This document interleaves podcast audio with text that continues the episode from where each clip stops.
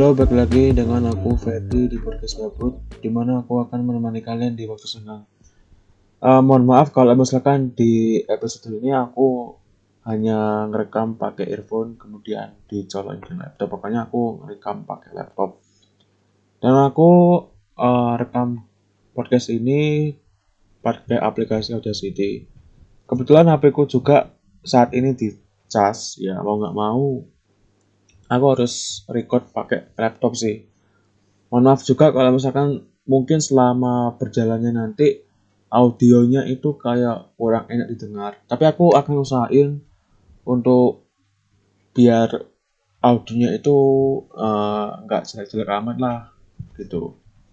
Aku kan ya bukan orang IT banget. Aku kan cuma ngerti beberapa fitur-fitur kan dari YouTube kan. Dan juga ya sedikit-sedikit apa menjelajahi gitu. Dan kebetulan aku record tanggal 4 November 2021 dan sekarang ini hujan di mana hujan itu kayak apa ya memiliki dua sisi yaitu suka dan juga nggak suka sukanya membuat pikiranku tenang membuat hatiku tenang bisa meng mencium bau-bau petricor eh apa petricor apa petricor kalau nggak salah. Pokoknya ketika air itu udah menetes di tanah itu baunya kayak gimana gitu loh. Tapi yang nggak aku suka itu adalah uh, pasca hujan biasanya lembab. Itu yang paling aku gak suka. Apalagi malam-malam udah nggak hujan oh paling nggak suka asli. Karena satu ada hewan-hewan. Ya apa namanya amfibi kayak kodok kayak ular gitu. Uh, untung aja ular itu jarang sih muncul. Paling ya kadang-kadang kodok gitu. Aku tuh sebenarnya nggak suka sih sama hawa lembab tuh nggak suka. Karena kenapa kayak kurang nyaman gitu loh. Padahal mah aku tuh orangnya ya dingin. Tapi entah kenapa nggak suka aja hawa-hawa lembab gitu. Maka dari itu ya ketika hujan aku ada dosis yaitu suka dan juga nggak suka. Itu apalagi harus apa namanya membersihkan apa membersihkan halaman belakang halaman depan yang mungkin ada kotoran-kotoran yang apa ditiup angin mungkin. Itu sih. Kadang-kadang ya itu. By the way aku mikir pak entah kenapa kebanyakan orang itu pada zaman sekarang ya itu kayak mudah banget terkenal gitu loh. Kayak mudah banget untuk terkenal. Serius gampang banget booming gitu loh. Mungkin contoh yang paling gampang untuk sekarang ialah kamu tahu kan salam dari Binjai? Salam dari Binjai itu merupakan uh, apa ya sebuah salam dari seseorang kreator yang bernama Paris Fernandes. Jadi si Paris, iya aku panggil Paris ya, bukan Paris. F bukan P. Si Paris ini dia itu apa buat konten iseng-iseng dengan dia meninju pohon pisang sampai rubuh, ya kan. Kemudian ya dia pada saat pembukaan video dan juga penutupan video dia mesti selalu bilang salam dari Binjai, salam dari Binjai, ya kan Kemudian dijelaskanlah oleh si Faris itu sendiri.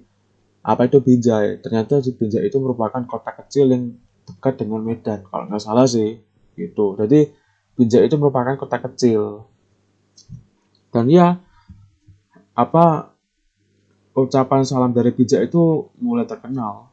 Bahkan ada beberapa konten kreator dari luar negeri, yaitu Rusia dan juga mungkin Romania, itu ada pakai salam dari Binjai salah satu salah satu konten kreator luar negeri yang aku tahu pakai salam dari bijak itu adalah anu apa Saitama Rusia. Siapa namanya? Steph Steph Happy ya? Steph Happy.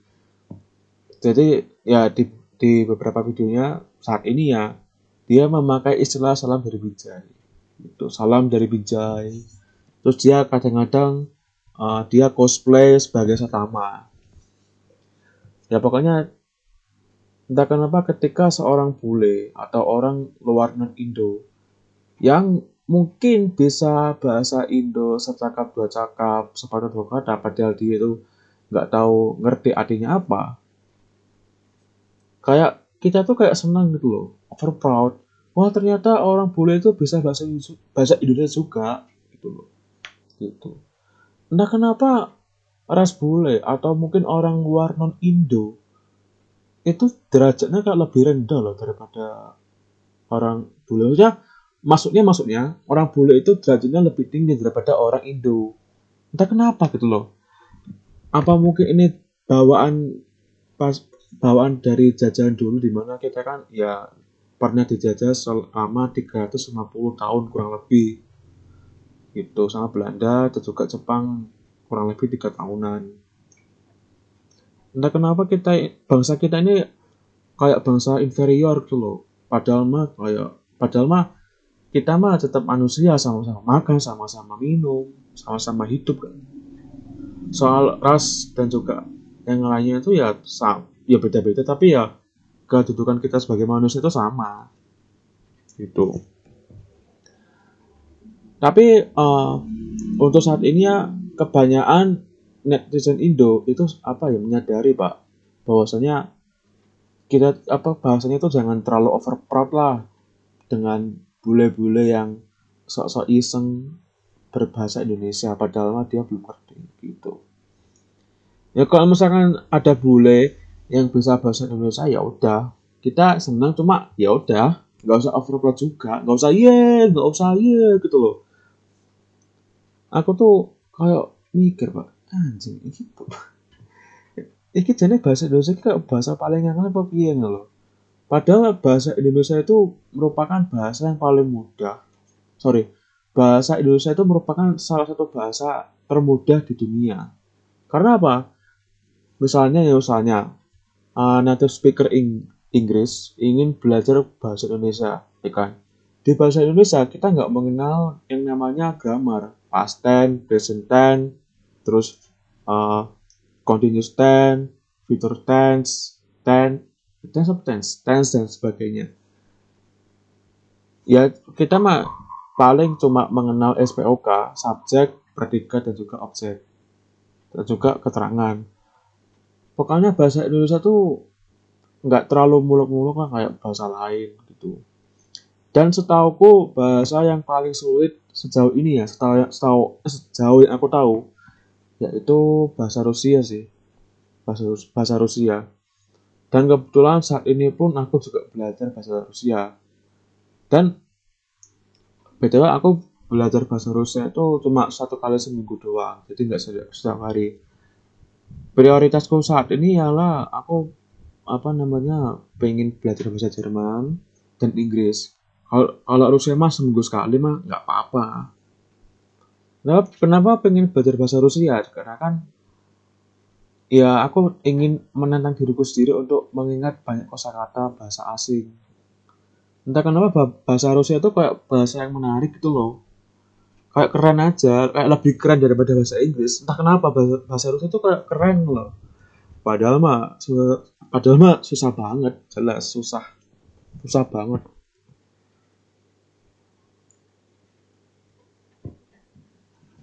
Ah, maaf aku biasa kalau aku ngomong beberapa menit kayak gini sendawa mesti kayak pengen ya kayak kayak pengen sendawa gitu loh.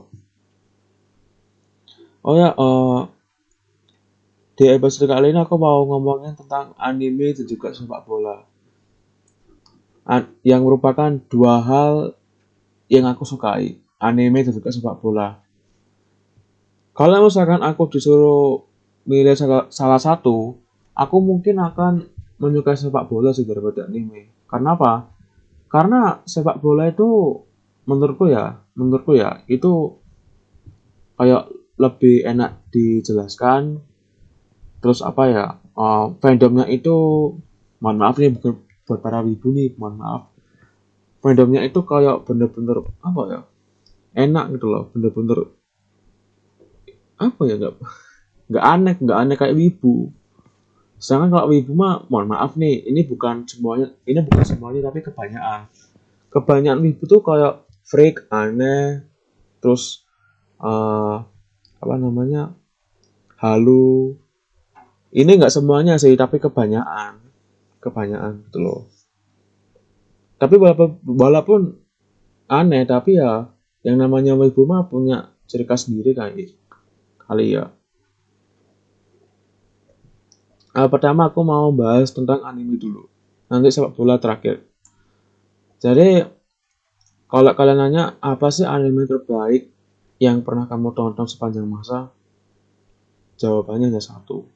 Naruto. Jelas Naruto. Aku yakin ada anime-anime lain yang lebih bagus daripada Naruto kayak Fate, Fate series, terus uh, ReZero, AOT, Attack on Titan, Monster, monsternya Naoki Urasawa, terus uh, Gin, kok Gintok, Gintama, terus One Piece, Bleach dan sebagainya. Aku tahu, aku tahu bahwasanya ada anime yang lebih bagus dari Naruto. Tapi kenapa Naruto itu merupakan anime terbaik sepanjang masa menurutku? Karena simple, Pak. Karena cocok sama aku. Karena aku butuh nyaman dengan apa yang aku lihat. Sesimpel itu sebenarnya. Iya, sesimpel itu. Serius, sesimpel itu. Aku tuh nonton nonton Naruto itu di Global TV kalau nggak salah. Tahun 2005 kalau nggak salah. Naruto kecil pada saat Naruto kecil ya kan. Naruto kecil, kemudian di tahun 2008 Naruto Shippuden di Indosiar setiap hari Minggu. Kalau nggak salah inget sih. Kalau nggak salah ingat. Naruto Shippuden. Ya meskipun misinya ah, sorry meskipun bolak-balik maksudnya diputer-puter lagi kan apa saat itu kan stuck di mana misi penyelamatan Gara kan dari Akatsuki kan. Pokoknya misi, misi pertama Naruto sebagai Naruto Shippuden itu dan dia sampai sampai akhirnya series Naruto aku masih mengikuti gitu masih mengikuti banget. Karena meskipun aku rewards tetap aja Naruto itu the best. Menurutku loh menurutku loh. Aku tuh masih nyaman nonton Naruto serius. Walaupun banyak filler walaupun uh, apa mungkin alur cerita atau plotnya mungkin gak sebagus yang lain tapi kalau menurutku mah ya bagus sesimpel itu. Meskipun apa protagonis Naruto itu nggak sebagus Gods dari manga Berserk nggak sebagus Tenma Kenzo dari anime Monster nggak sebagus Gintoki dari uh, anime Gintama nggak sebagus One One Piece apa namanya siapa namanya? Luffy market Luffy dari anime One Piece. Tapi ya Naruto tuh apa ya? One of the best MC sih menurutku. Menurutku. Dia tuh apa ya? MC-nya bagus. Dia tuh sebagai protagonis dia cukup bagus. Dia ada pengembangan cerita dia posisi sebagai apa karakter utama sih ada untung ya kalau misalkan nggak ada Naruto ya mungkin cerita Naruto ya mungkin nggak jalan. Itu sederhananya kayak begitu sih. Ya meskipun anime Naruto ini atau cerita Naruto ini masih banyak misteri pertanyaan. Contoh nih contoh. Siapa pembunuh dari Hashirama? Apakah benar itu si Kakuzu? Kedua seperti apa sih rupa tempat tinggalnya si Katsuyo. Katsuyo itu kan ulat ulat kan? Ulat yang yang di yang yang yang merupakan apa yang merupakan hewan kojo Sunati kan? Sunati dan juga Sakura. Seperti apa sih rupanya apa tempat tinggal Katsuyu terus apa lagi ya? Uh, siapa sih siapa sih orang tua dari Minato apakah Minato ini apakah Minato ini dari kecil dari lahir mungkin nggak punya ayah kayak nggak diceritain dan lain sebagainya. Pokoknya masih banyak banget pertanyaan-pertanyaan yang belum terjawab di saya Naruto. Ya walaupun begitu terjawab nggak terjawab sih bodo amat lah. Pokoknya anime itu the best lah menurutku. Dan ya kalau misalkan kalian dengar ini nggak setuju nggak masalah. Penting mah ya saling hargai aja kali itu loh. Gak usah apa nyinyir nyinyir gak jelas. Ah enggak bang. Piece kan lebih bagus. Ah enggak bang. Gintama kan lebih bagus. Ah enggak bang. Evangelion tuh bagus. Mental tuh kena. Dan bla bla bla bla bla. Kan itu kan opinimu. Kenapa lu kayak maksain opini orang jadilah fans yang selalu respect pada fans lain jangan toxic. Kenapa ketika kita toxic di awal tuh kita mungkin menang tapi di akhir kita mungkin mendapatkan balasan yang gak enak banget. Percayalah serius percayalah. Kalau uh, kalau kalian tanya lagi siapa sih protagonis anime terbaik sepanjang masa well aku jawab Gods Gods dari anime Berserk.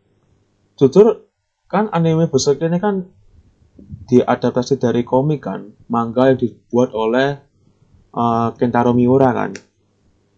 Aku cuma baca manganya doang nggak lihat animenya. Jujur li pak serius jujur li. Honestly gila lo besok besok is god damn it fuck. Crazy shit. Wow gila. Aku tuh sampai geleng-geleng kepala dengan artnya dengan ceritanya dengan penderitaannya si gas lo ya Allah. Dia tuh kena NTR NTR disiksa. Ya Allah di depan matanya sendiri tuh dia tuh ya Allah. Hmm pokoknya anjing. Gara-gara sebuah telur telur yang kutukan itu hancur pak semuanya satu satu batalion serius. Pokoknya nggak nyangka banget sih jelas nggak nyangka banget. I don't eh, sorry I didn't really expect that the happen. Eh sorry the thing would be happen. Nggak nyangka banget sih jelas nggak nyangka banget. So maybe in the in the next video or uh, some next video I will make about top 10 protagonists in the manga or anime. Kalau kalau untuk kalau untuk all fiction kayak novel, kayak Marvel, DC dan sebagainya, kayak masih belum deh. Aku cuma berani ngambil dari anime dan juga manga. Dan ya kalau bacanya mah selera aku mah gak elit-elit banget lah. Aku sebenarnya apa ya baca komik Berserk itu cuma suka doang.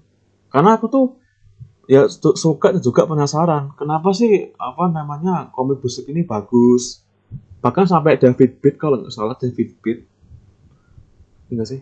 Di TikTok pada saat kematian Kentaro Miura dia tuh bilang lu mending baca manganya ini. Kalau lu pengen tahu kenapa manga bagus.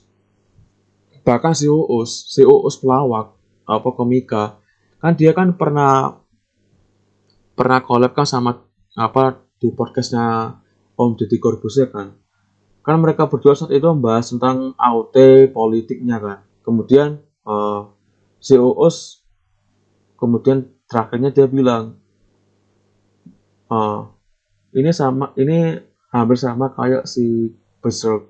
Tapi Berserk ini lebih condong ke kayak apa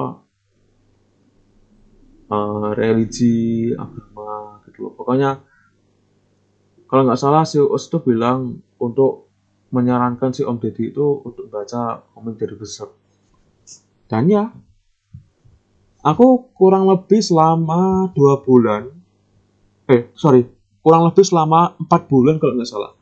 Aku menghabiskan waktu empat bulan untuk sampai di chapter 350 350 kemudian aku hiatus sebentar sampai di chapter akhir yang kalau nggak salah chapter 364 ya kalau nggak salah.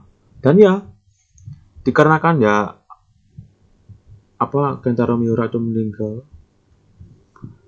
Mau nggak mau cerita dari Berserk mah harus ditamatkan. Meskipun endingnya itu mungkin kayak kurang jelas. Mungkin bagi sebagian oh kebanyakan penonton kurang jelas. Kalau aku bertanya eh endingnya gimana sih bang? Mas apakah gitu. Endingnya tak akone piye ya? Endingnya tak asa kowe sesuai pokoknya ya meskipun kita ngarepnya mungkin si Gas dan juga si Griffith itu akan bertarung di final fight nanti tapi dikarenakan kondisi yang nggak menguntungkan mau nggak mau manga dari besok ini harus akhirnya seperti itu. Gitu. Uh, apalagi ya? Ngomongnya. Aku tuh sebenarnya aku tuh aku tuh sebenarnya masih ada lagi topik pembahasan yang bener-bener wah ada sih. Bener-bener apa namanya masih banyak topik. Tapi entah kenapa aku nggak sanggup untuk menguraikannya takutnya durasi yang kelamaan. Kemarin aja kemarin aku record tentang apa pertemanan juga dan juga masa kecil. Itu waktu apa waktunya cuma satu jam pak. Cuma satu jam doang. Satu jam itu kalau menurutku ya itu capeknya minta ampun pak. Serius capeknya minta ampun aku tuh kalau ngomong mungkin paling lama 30 menit. Ini satu jam pak, serius satu jam. Ya ampun, dari jam 10 sampai jam 11 malam kemarin. Kalian-kalian kepala kok sampai. Uh, semoga aja ya podcast di episode ini bisa lebih baik daripada di podcast sebelumnya.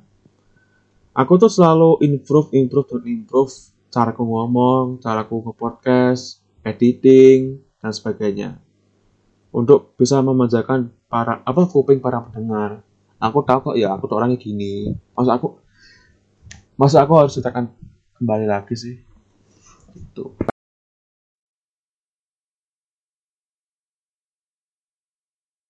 karakter favoritmu di anime? Kalau aku sih jawabnya gampang Uchiha Sasuke. Sasuke Uchiha. Bentar aku mau minum dulu karena kalau kelamaan ngomong tanpa minum tuh kayak apa ya? capek gitu loh. Bener ya minum dulu.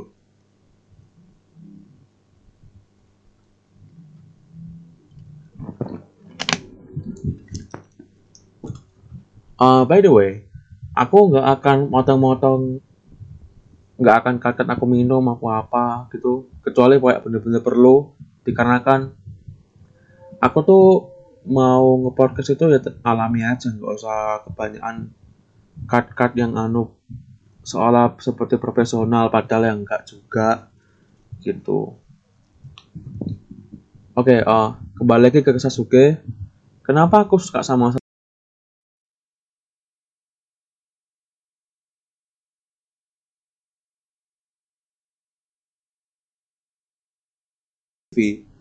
Aku tuh udah mulai suka dulu sama Sasuke. Suka dalam artian ya favoritin dia gitu. Dan dia si Sasuke ini ya bagi Naruto ya cukup bagus. Kalau misalkan si Sasuke ini nggak ada mungkin si Naruto tidak ada motivasi untuk menjadi Hokage. Serius aku nggak bohong. Tidak ada tidak ada jalur motivasi bagi Naruto untuk menjadi Hokage. Sesimpel itu sebenarnya Aku tahu kok masih ada apa cara yang lebih kuat daripada Sasuke. Mungkin kayak ya Gilgamesh dari anime Fate terus uh, Aizen dari anime Bleach siapa lagi ya? Zoro mungkin dari anime One Piece. Aku nggak tahu sih. Aku kan masih belum pernah nonton One Piece kan. Aku tuh cuma baca manganya One Piece sampai chapter 30 berapa lupa ya. 50 30 pokoknya pada saat dia baru pertama kali bertemu dengan Usop dan saat itu ada mafia something gitu yang mulai menjarah tempat tinggalnya Usop pokoknya baru pertama kali bertemu dengan Usop lah seperti itu mungkin bisa aja Zoro itu lebih kuat dari Sasuke ya kan? Aku nggak tahu kenapa entah kenapa aku tuh baru kenal istilah DB pak. Serius DB Dead Battle. Dead Battle itu ya, ialah singkat cerita ya singkat penjelasan. Dead Battle itu ialah sebuah diskusi di mana ada dua orang karakter dari masing-masing universe cerita fiksi yang diadukan. Siapa yang akan menang jadi ukuran DB itu kalau nggak salah tier terus uh, apa attack potensi terus uh, speed up durek eh, kok durek? Apalah pokoknya itulah pokoknya yang dia itu ya tiar juga uh, spesifikasinya anjing kayak anu cok compare HP cok. Pokoknya itulah anak-anak DB gitu loh aku sih kalau soal DB nggak masalah sih bener-bener nggak masalah asalkan ya jangan kelewatan juga Mas apa? Aku tuh pernah, pernah ya, aku tuh pernah jumpa komen TikTok dan juga video TikTok. Ada loh yang apa? Yang adu Tuhan, serius, yang adu Tuhan. Masa ya Tuhan A dan juga Tuhan B itu diadu, Pak? Ini Tuhan yang aku ngomongin Tuhan dunia nyata ya, bukan dunia fiksi. Mungkin kalau dunia, eh sorry, Tuhan dari cerita Record of Ragnarok diadu mah ya kita nggak masalah sih soalnya. Masih cerita fiksi kan. Mungkin kebe mungkin kebenaran setiap dewa atau Tuhan dari record of na of, sorry record of Ragnarok ya Allah Ragnarok Ragnarok. Record of Ragnarok ini apa namanya uh, apa dewanya itu ya masih belum benar 100% kan masih mungkin masih mungkin dipesetin satu atau dua ke fakta atau dua fakta gitu loh. Tapi yang aku maksud di sini adalah ketika Tuhan A dan juga Tuhan B di dunia nyata di, di dunia saat ini itu diadu pak. Aku tuh nggak paham lagi. Masa diadu fits, diadu attack potensi, diadu eh diadu, diadu apa durability badan kok kyopo aja nih lo. Aku tuh bahkan sampai buat video tentang uh, buat para content buat para content creator Dead Battle, please jangan buat Dead Battle Tuhan. Soalnya gak lucu pak, bener-bener udah gak lucu lagi. Kalau misalkan kamu buat content creator Dead Battle yang nggak apa-apa, cuma ya jangan kelihatan batas juga, gitu sih. Sebenarnya mungkin tujuan dari The Battle itu adalah untuk diskusi. Diskusinya itu cuma diskusi yang bener-bener fun, nggak sampai caci maki, headspace dan sebagainya. Aku tuh sebenarnya udah pusing pak, serius.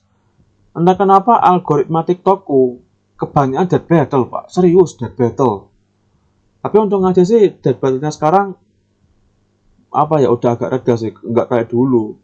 Mungkin adu apa adu battle-nya mungkin adu waifu, terus apa ya? Pokoknya ah, adu adu adu battle yang konyol-konyol gitu. Pokoknya DB sekarang itu ya konten DB sekarang itu nggak sesadis dulu sih alhamdulillah. Gitu.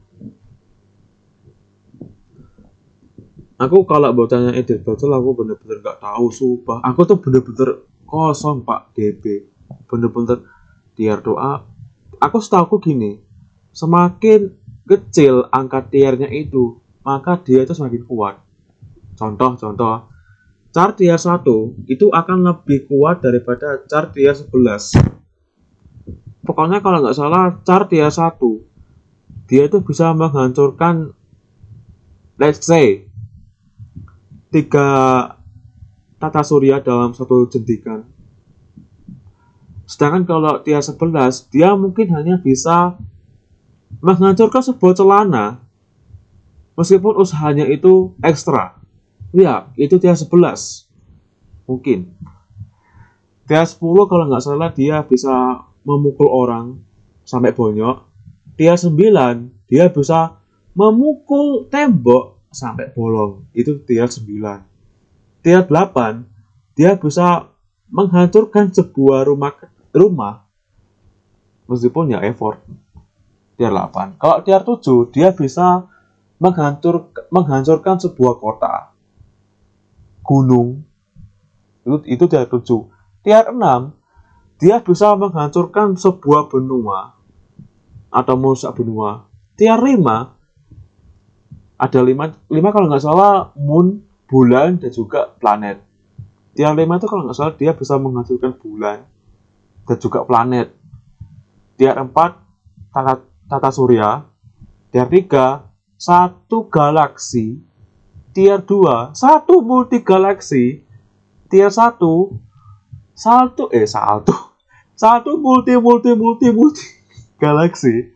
Tier 0 dan hancur semuanya. Sebenarnya untuk pembuatan karakter yang OP banget sih nggak masalah sebenarnya. Kalau tujuannya mah untuk menarik penonton yang suka dengan apa cara kuat cara yang OP tapi kalau misalkan ada fans goblok yang banding-bandingin dengan anime lain hanya untuk mencari ribut itu sih ya tolong namanya. Itu BTW untuk pembuatan anime sih lama loh BTW dikira dikira gue anime ke dilut pak. Serius. Bentar minum lagi.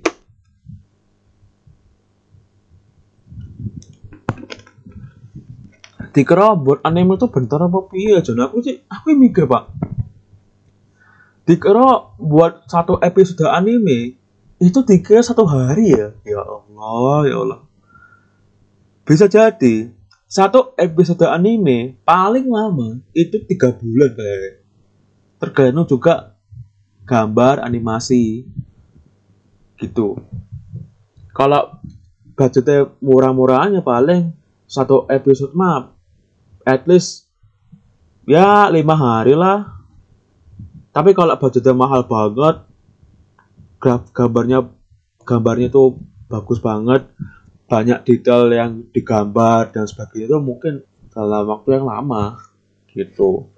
Maka dari itu buat anime itu gak gampang. Buat anime kartun gambar animasi itu gak gampang. Apalagi kalau yang buatnya itu cuma satu orang gitu. Makanya di Jepang saat ini aku ngomongin Jepang ya bukan Amerika dan negara lain. Aku cuma ngomongin Jepang karena aku tahunya cuma Jepang.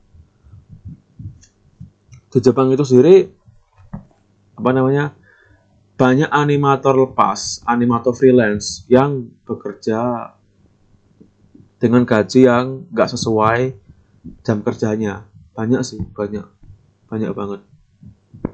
Kayak over kayak apa ya kayak overtime padahal bayarannya tuh under price. Banyak sih.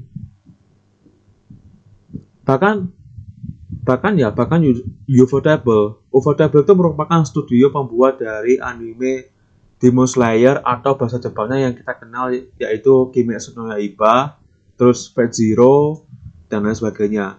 Bahkan Ufotable yang merupakan anime dengan salah satu grafis pak eh, sorry salah satu salah satu studio anime dengan pembuat grafis atau gambar yang bagus banget. Itu dia nggak bayar pajak pak. Serius dia nggak bayar pajak katanya segitu aku dengar beritanya iya nggak bayar pajak selama beberapa tahun kayak gitu loh pokoknya saking mahalnya buat anime bahkan nggak sampai bayar pajak loh serius gila sih kamu tahu kan Mapa? Mapa Mapa. Mapa yang baru-baru ini hype. Pokoknya Mapa kalau nggak salah tuh hype-hype-nya itu akhir 2020 di mana anime Jujutsu Kaisen dan juga AOT Final Season part pertama itu dirilis. Itu kan apa namanya Mapa itu kan baru booming-boomingnya kan, baru hype-hype-nya kan, Mapa. Itu aja jam kerjanya nak sebelah misalnya kok sampai ngantuk banget loh kok saking ya Allah ngesak nih pak sumpah kasihan gitu loh bahkan uh, apa ya bahkan sutradara itu sendiri sutradara itu sampai matanya tuh loh matanya sutradara itu sampai bener-bener hitam pak. Ada ada kantongnya. Kayak kayak kurang tidur. Ya ampun ya ampun. Bener apa yang dikatakan oleh admin Yami di channelnya Cleanstone eh Cleanstone Clean Sound bahwasanya ya semakin banyak anime nanti maka kualitasnya akan semakin buruk. Dan ini terbukti sekarang contoh S-ARM masih banyak kan? Padahal mah katanya apa katanya cerita dari S-ARM itu sendiri mah nggak jauh amat. Ya bagus lah gitu loh. Tapi animasinya wow the best dari belakang. Ya aku berharap sih ke depannya di Jepang itu makin banyak animator sehingga apa namanya sehingga ya sehingga tidak overpriced tidak overtime. Aku tuh kasihan pak sama satu animator yang ke, apa yang jam kerjanya itu mungkin nyampe 18 jam tapi dia itu cuma dibayar katakanlah per bulan itu nggak nyampe 20 juta. Mohon maaf ya mohon maaf ya biaya hidup di Jepang itu lebih mahal daripada Indonesia. Gaji 20 juta di Jepang itu mungkin setara dengan gaji mohon maaf kalau aku salah. Koreksi aja kalau salah. Setara 500 ribu. Eh sorry. 1 juta yang ada di Indonesia. Serius? Dengan jam kerja segitu loh pak. Gila. Soalnya apa ya? Ya faktanya biaya hidup di Jepang itu nggak murah mahal. Kalau kalian ngerasa mungkin let's say biaya hidup di Jakarta itu mahal lihatlah Jepang Jepang tambah mahal lagi. Makanya kita beruntung kita bisa tinggal di Indonesia yang mungkin biaya hidupnya itu nggak semahal negara-negara lain gitu. Aku tahu kenapa biaya hidupnya itu mahal dikarenakan mungkin utang Jepang itu banyak banget. Mungkin utang Jepang itu merupakan salah satu terbanyak yang ada di dunia. Kalau setahuku, aku pernah ngecek di website apa gitu loh pak utang terbanyak itu kalau nggak salah Amerika ya. Pokoknya sampai nyampe mau kuadriliun. Gila sih. Kita aja yang utang kalau nggak salah 6000 triliun aja udah ngos-ngosan apalagi utang yang sampai mau kuadriliun itu ah, gila sih jelas. Aku percaya sih kalau misalkan ada sekelompok sekelompok orang yang mempunyai uang paling paling banyak dari negara-negara gede kayak Amerika, Rusia, dan lain sebagainya. Aku percaya sih ada sekelompok orang yang punya uang yang segitu banyaknya. Mungkin sampai mungkin say puluhan kuadriliun. Mungkin dia bisa beli bumi dalam waktu eh mungkin dia bisa beli bumi kemudian diolah, mungkin bisa sih. Aku percaya itu kok. Kenapa? Aku tuh ya aku tuh menyangka bahwasanya aku tuh berpikir sorry aku tuh berpikir bahwasanya dunia itu nggak sepolos yang kita kira. Mungkin di depannya tuh kayak baik-baik aja tapi kalau di, kita lihat lebih dalam itu sih wow amazing bener-bener nggak nyangka. Gitu. Kalian bisa cari kok apa teori-teori konspirasi atau konspirasi di YouTube di internet kan banyak. Ya terserah sih kalian tuh mau percaya atau enggak. Yang jelas kalian tuh tahu bahwasanya apa yang kita lihat ini sekarang belum tentu sebaik yang kita kira. Gitu. Oh ya btw lagi ke anime. Aku tuh kalau nggak salah baru nonton sekitar 15 anime di tahun ini. Ya 15 anime 2021 ada beberapa anime yang aku hold yaitu uh, Toyo Eternity dikarenakan lama pak. Pacingnya tuh lama sih jelas. Meskipun ceritanya bagus pengembangan dari protagonis dan juga beberapa karakter yang menemani protagonis itu bagus tapi pacingnya lama cuma itu sih kekurangannya passion ceritanya lama dan juga anime apa aku tope apa aku tope itu itulah aquarium gitu. Size of life itu aku hold atau aku te, aku tahan dulu. Bukan ngedrop ya kalau ngedrop itu aku nggak mau lihat lagi. Kalau hold itu mungkin aku berhenti dulu tapi di kemudian hari aku lihat lagi. Gitu. Dikarenakan ya sama passionnya lama dan juga mungkin sepedanya ya sama biasanya dengan apa dengan Super Cup. Padahal kalau menurutku ya menurutku Super Cup dan juga anime Akotope ini bagusan Akotope jelas. Dari segi grafis kalah jauh eh menang jauh daripada si Super Cup. Itu untuk sekarang untuk sekarang ya anime 2021 yang aku tonton itu Miyoko Chan yang bisa ngeliat hantu terus uh, apa namanya pembunuh terhebat di dunia yang bereinkarnasi ke dunia lain. Aku tontonnya di musik Indonesia. Terus apa lagi ya? Uh, Tak OP Destiny. Terus ini aku mau lihat anu 86 anime 86 terus uh, Hang di eh, Hang di Harukoten kalau nggak salah. Itu sih itu sih kalau aku lihat anime tahun ini oh ya sama anu sama Kobayashi season kedua. Entah kenapa aku tuh nonton Kobayashi anime Kobayashi Dragon. Itu aku cuma pengen nonton karena pak. Karena karena karena yang naga lucu tuh loh yang ame ame ame ame. Uh, gemes pak. Serius gemes pak. Aduh karena itu apa ya meskipun dia itu naga dia kan masih kecil kan. Kalau nggak salah umurnya baru enam tahun. Tapi kita kenapa tingkat kegemesannya tingkat keimutannya itu kayak level dewa jelas pinter pak yang buat desain desain apa karakter dari Kana itu pinter banget jelas bisa membuat para penontonnya itu jadi kayak gemes-gemes diri sama si Kana. Gitu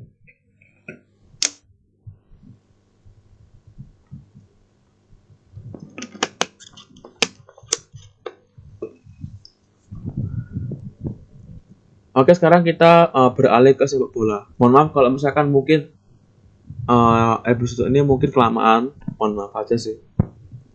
Ya daripada apa?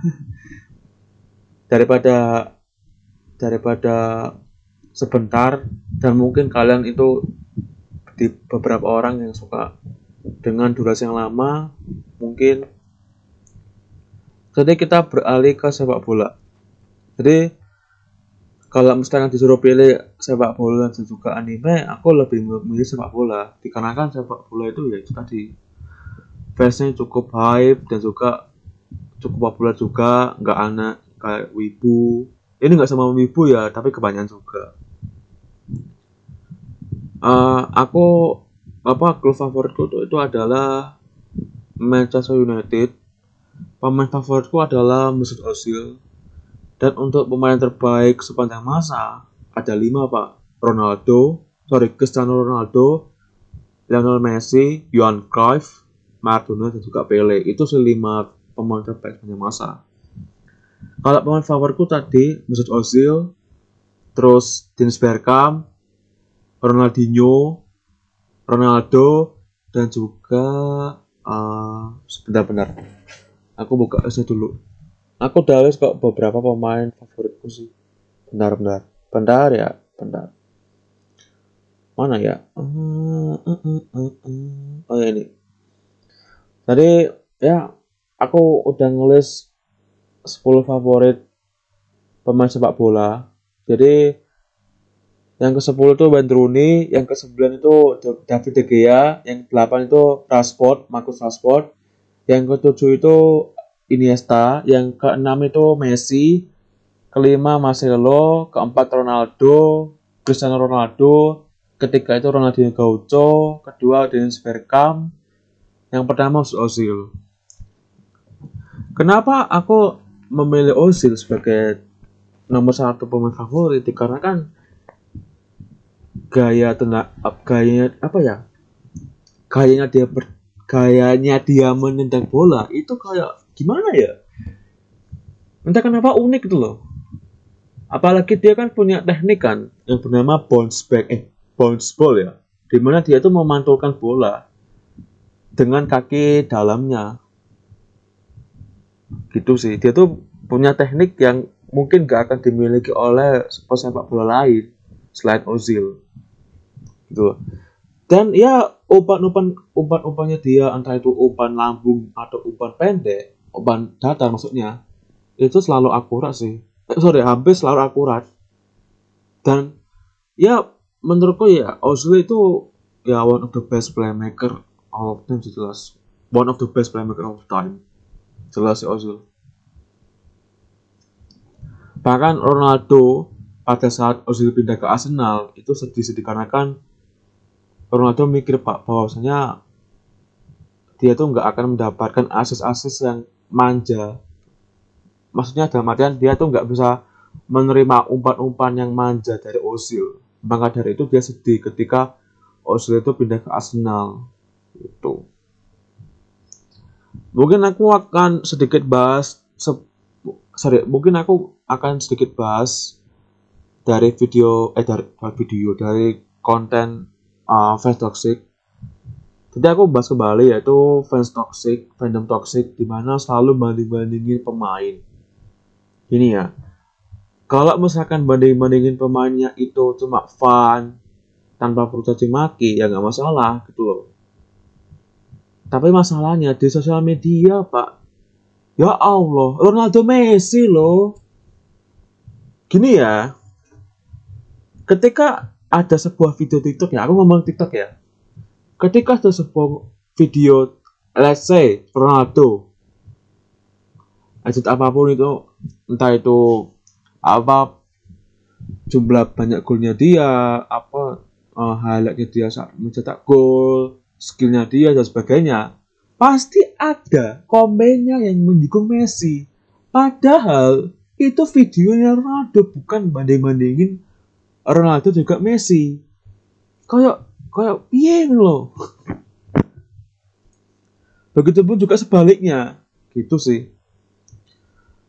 Aku tuh ya kalau misalkan mbok kayak guyon guyonnya bener-bener guyon bener-bener guyon nggak masalah. Tapi kalau mbok kayak sampai bener-bener menghina orang toxic itu sih keterlaluan sih jelas. Ya ya kita kan tahu bosnya Messi dan juga Ronaldo itu kan punya kelebihan dan juga kekurangan masing-masing. Ya Ronaldo mah Ronaldo mah bisa beradaptasi sedangkan Messi itu masih kesulitan sekarang. Ya aku kita semua setuju lah ya bahwasanya Messi itu sekarang mungkin ya survei lapangan sih. Kita setuju karena ya mungkin Messi masih butuh adaptasi lagi. Itu. Kalau Ronaldo mah ya dia mah mungkin dia bekerja keras, dia bekerja keras, dia bisa mencari posisi yang matang untuk mencetak gol. Gitu loh. Aku tuh ya nggak peduli sih sebenarnya ada yang bilang penalti, tapal dog, pensiun, pensiun, apalah anjing. Yang aku tahu tuh soal sepak bola adalah sepak bola itu mengajarkan respect bukan saling menghina. Itu aku mungkin uh, terinspirasi sama si Calvin Makamina Calvin Joshua Makamina. Jadi si Calvin ini kan ada channel YouTube bernama CCN kan? Jadi ya aku sama si Calvin ini sama-sama respect sama sama-sama respect dengan supporter bola lain gitu loh. Kalau misalkan ada orang yang menghina klub orang lain atau mungkin pemain favoritnya, pemain terbaik menurut dia, aku pun akan marah. Sama seperti Calvin, marah serius karena ya sepak bola itu mah mengajarkan respect, sportivitas, bukannya saling menghina, saling apa nyet, nyet ya Allah. Aku tuh nggak paham isi hati dari netizen itu apa. Aku tuh nggak paham, serius nggak paham videonya Messi bawa-bawa Ronaldo. Videonya Ronaldo bawa Messi. Videonya KDB bawa-bawa Ozil bawa-bawa Bruno. Ya Allah. Gini ya. Kalau misalkan mau banding-bandingin pemain lebih baik dilakukan dengan orang-orang yang menurut kamu itu percayai. Kalau misalkan disebarkan ke ke hal yang luas maksudnya ke masyarakat yang luas ke semua ke banyak netizen di, di sosial media otomatis akan menjadi ribut. Gitu loh. Kan setiap pemain itu kan punya kelebihan dan juga kekurangan masing-masing kan? Jadi ya kalau misalkan siapa pemain terbaik dari setiap orang itu ya mungkin beda-beda. Ada yang jawab Messi ada yang jawab Bergkamp ada yang jawab Ronaldo ada yang jawab uh, Ronaldinho dan sebagainya. Itu mah fun fun itu mah ya nggak apa-apa gitu yang ke, yang fakta fakta sepak bola yang mungkin kita setuju itu adalah sepak bola itu adalah olahraga yang dimainkan oleh 11 pemain di setiap tim. Udah sesimpel itu. Sepak bola mah cuma passing, dribbling, shooting,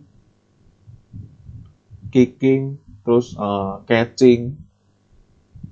Udah. Gol. Itu kan sepak bola. Kalau soal siapa pemain terbaik itu kan ya pilihan kalian sendiri. Jadi ya nggak usah diambil pusing lah ya. Pokoknya sepak bola itu ya mengajarkan tentang apa sportivitas, saling respect, saling menghargai gitu. Aku ngom mau ngomongin soal MU dikit. Jadi kan MU sekarang kan berada di tren positif setelah kekalahan Liverpool yang cukup memalukan 5-0 dari Liverpool. Maguire lawak. Pokoknya Ole itu pada saat sebelum dia menang lawan apa Tottenham. Sumpah pak, ngelawak bener-bener ngelawak pak. Ya Allah, ya Rob, neng lo.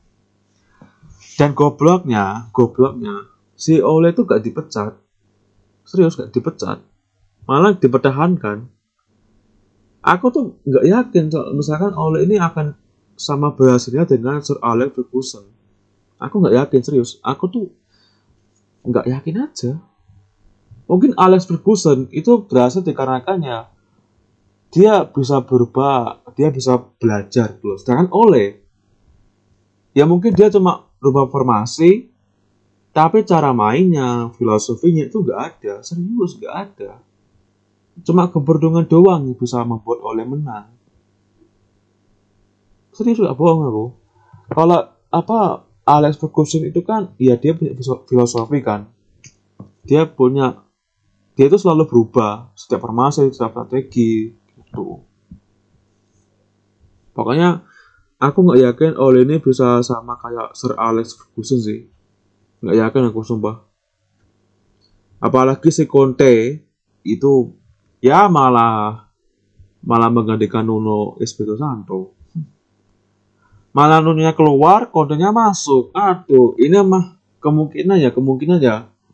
Ketika oleh dipecat pilihannya mungkin antara dua besar yaitu Zidane dan juga eh atau Ten Hag. Kalau menurutku Ten Hag sih menurutku Ten Hag. Tapi ya mungkin kendala kendala dari Ten Hag itu dari filosofi dan juga language barrier. Aku nggak tahu si Ten Hag ini bisa bahasa Inggris atau enggak. Tapi jelas kalau misalkan dia bisa bahasa Inggris dan juga dia bisa memahami IPL, dia bisa memahami IPL, mungkin dia bisa bagus gitu. Gini ya, aku tuh sebenarnya kalau tanyai oleh mending oleh in sorry oleh stay atau oleh out. Kalau menurutku gini selama oleh itu masih punya katakanlah dia itu mau berubah oleh stay tapi kalau oleh ini nggak konsisten mainnya gitu-gitu doang ya oleh out gitu aja sih. Sama seperti kuman. Kuman. Ketika si kuman itu tidak mampu membawa bahasa yang lebih baik lagi ya maka mau nggak mau si Kumani out. Dan bahasa ini kan sekarang ada utang kan utang yang gede banget dikarenakan pandemi kan.